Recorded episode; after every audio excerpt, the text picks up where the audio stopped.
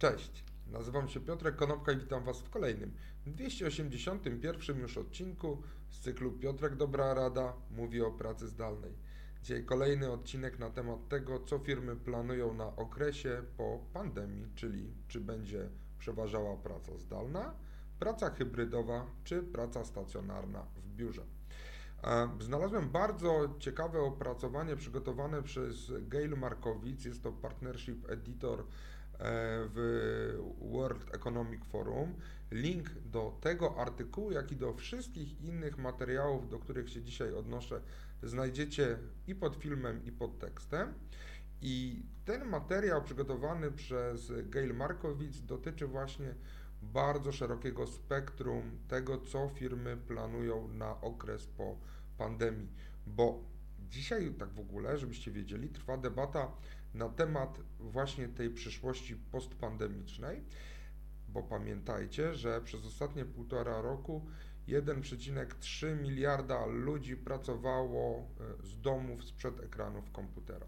A kontekst jest taki, że przez te ostatnie półtora roku znikło 225 e, milionów miejsc pracy.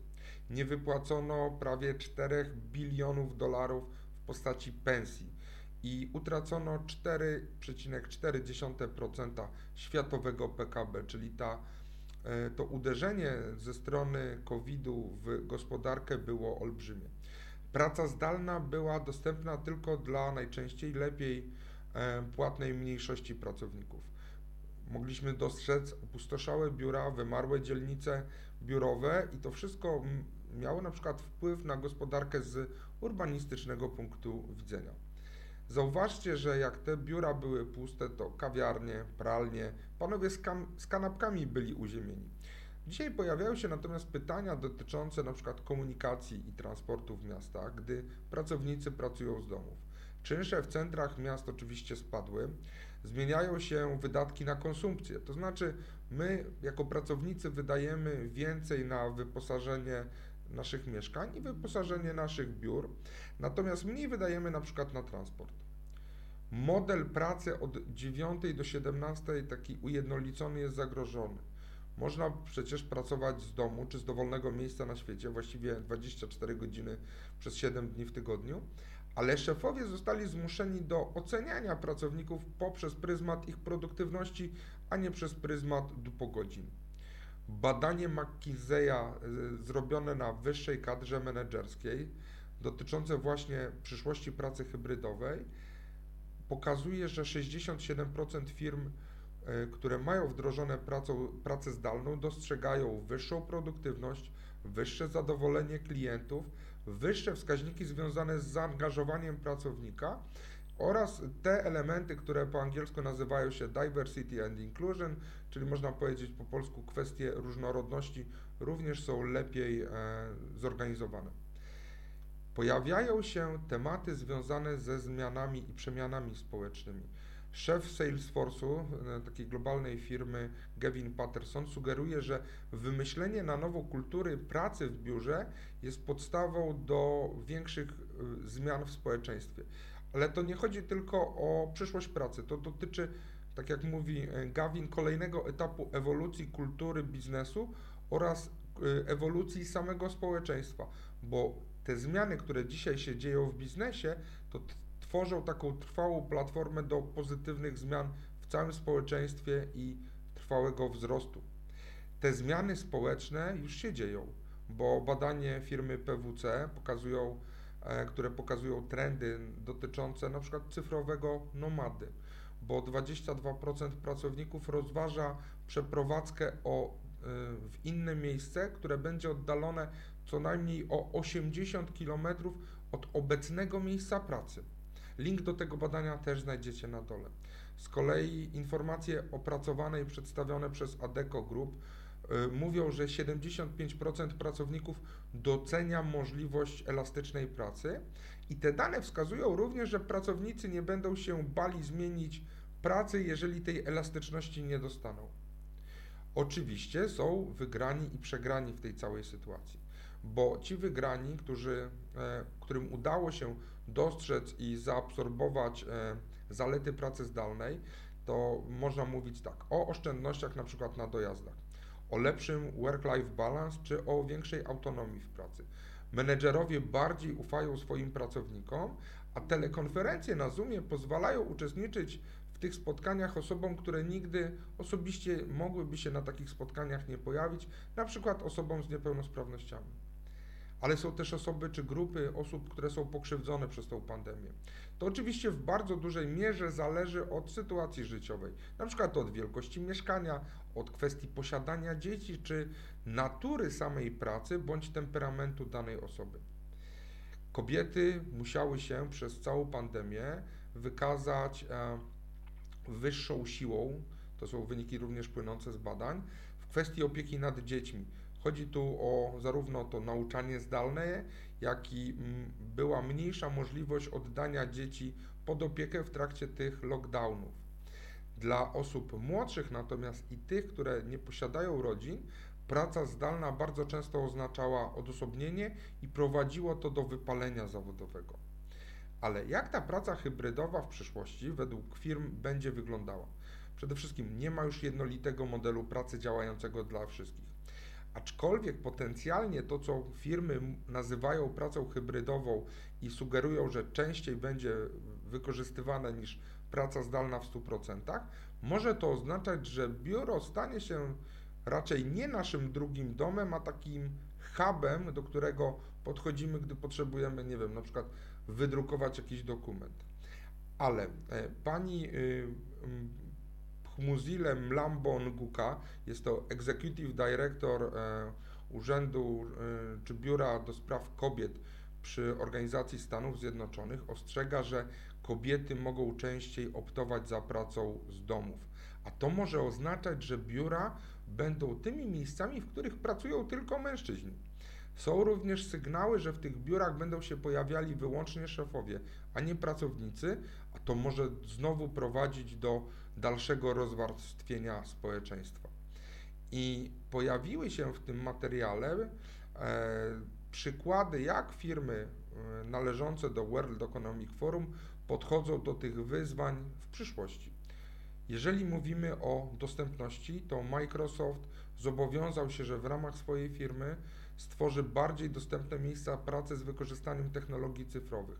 Począwszy od e, napisów na telekonferencjach w czasie rzeczywistym, do tego, że ta dostępność biura czy dostępność narzędzi pracy będzie przedmiotem analizy czy przedmiotem e, rozmowy w trakcie procesów rekrutacyjnych. E, jeżeli chodzi o umiejętności pracowników i roboty, to firma Accenture tworzy taki manifest na temat nowego świata pracy i w tym materiale zadają bardzo trudne pytania. Takie na przykład jak jakie umiejętności są lub będą niezbędne bardziej niż kiedykolwiek? Jak będzie wyglądała współpraca między maszynami a ludźmi? Jak zarządzamy lub jak będziemy zarządzać oraz jak będziemy się uczyć? Czy potrzebujemy biur, czy wystarczy praca z domu? Oraz według mnie bardzo, e, czy najciekawsze pytanie, czy to najnowsze pokolenie, które aktualnie wchodzi na rynek pracy, nadal będzie poszukiwało jednego długofalowego pracodawcy na dłuższy e, czas? To jest bardzo ciekawe, jak to będzie wyglądało w przyszłości. Jeżeli mówimy o kwestiach związanych ze zdrowiem psychicznym e, w pracy zdalnej, to firma Welcome Trust mówi, że zarówno firmy, jak i naukowcy muszą lepiej współpracować, aby opanować te kwestie wsparcia psychicznego w pracy. Ponieważ jeszcze przed pandemią problem zdrowia psychicznego kosztował gospodarkę światową około 1 biliona dolarów rocznie, natomiast ten eksodus z biur i praca zdalna w odosobnieniu z domów podniosły tą poprzeczkę jeszcze wyżej. Tak mówi Miranda Wolpert, jest to dyrektor e, właśnie odpowiadająca za mental health w firmie Welcome Trust. Jeżeli chodzi o diversity i inclusion, czyli o te elementy, które powodują, że w firmach mamy większą różnorodność. Firma e, Heidrich i Struggles przeanalizowała, jak te kwestie włączania i niwelowania różnic do procesów decyzyjnych odnośnie wyboru narzędzi technologicznych wpłynęło na firmy. I aby utrzymać tą elastyczność, którą nabyliśmy, której się nauczyliśmy, którą wdrożyliśmy w ciągu ostatniego roku, to zarządzający firmami muszą uważać na to, w jaki sposób nowe narzędzia, nowe procesy i nowe technologie będą wdrażane w przyszłości w firmie, żeby po prostu tej elastyczności nie stracić. Jeżeli mówimy o innowacjach, to Google i Salesforce są liderami w tych innowacjach.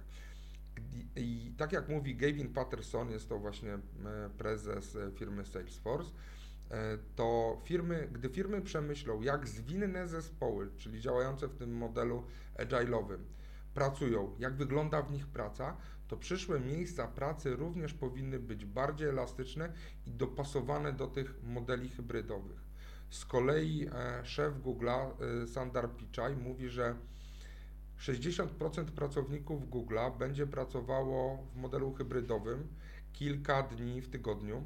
20% Google'a będzie pracowało w nowych lokalizacjach e, zrobionych po nowemu, a 20% pracowników będzie pracowało z domów.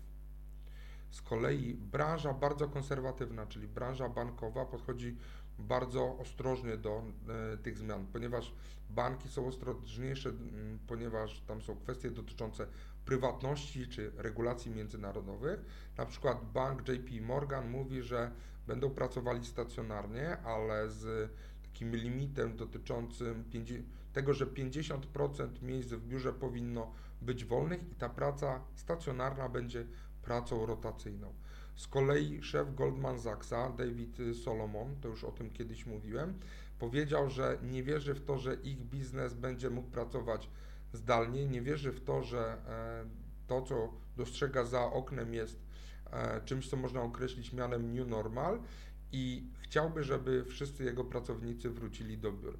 Aczkolwiek e, firma doradcza KPMG mówi, że te zmiany, które dostrzegamy, E, to są zmiany trwałe i jednak trzeba się pogodzić z tym, że nawet dla banków ta new normal istnieje. Z kolei McKinsey skupił się na dostarczaniu danych, ponieważ e, przedstawia coraz to nowe raporty i nowe analizy dotyczące tego, jak działa rynek i jak rynek wygląda w obecnych e, realiach. Pojawiły się ostatnio trzy badania, to znaczy, co pracownicy mówią o pracy zdalnej, co szefowie mówią o przyszłości pracy zdalnej i pracy hybrydowej oraz jak mm, rzeczywiście zawody ulegną zmianie w przyszłości. I pamiętajcie, tak chciałbym podsumować ten dosyć długi odcinek. To, czego nauczyliśmy się w zeszłym roku, to przede wszystkim to, że postęp nie jest liniowy i nie jest dla wszystkich fair. Ale biura nie muszą być większe, centra miast nie muszą być coraz bardziej zatłoczone. Rozwój infrastruktury komunikacyjnej i transportowej wymaga przemyślenia, a rewolucja, którą dostrzegamy, związana z tą pracą zdalną i pracą hybrydową, może przynieść rozwiązanie dla kwestii e, nierówności społecznych i może pomóc w lepszym zaabsorbowaniu tych e, kwestii związanych z różnorodnością, ale to wszystko musi zostać zrobione dobrze i porządnie. Także dzisiejszy odcinek na temat pracy hybrydowej wyszedł bardzo długi. Dzięki serdeczne, do zobaczenia i usłyszenia jutro. Na razie.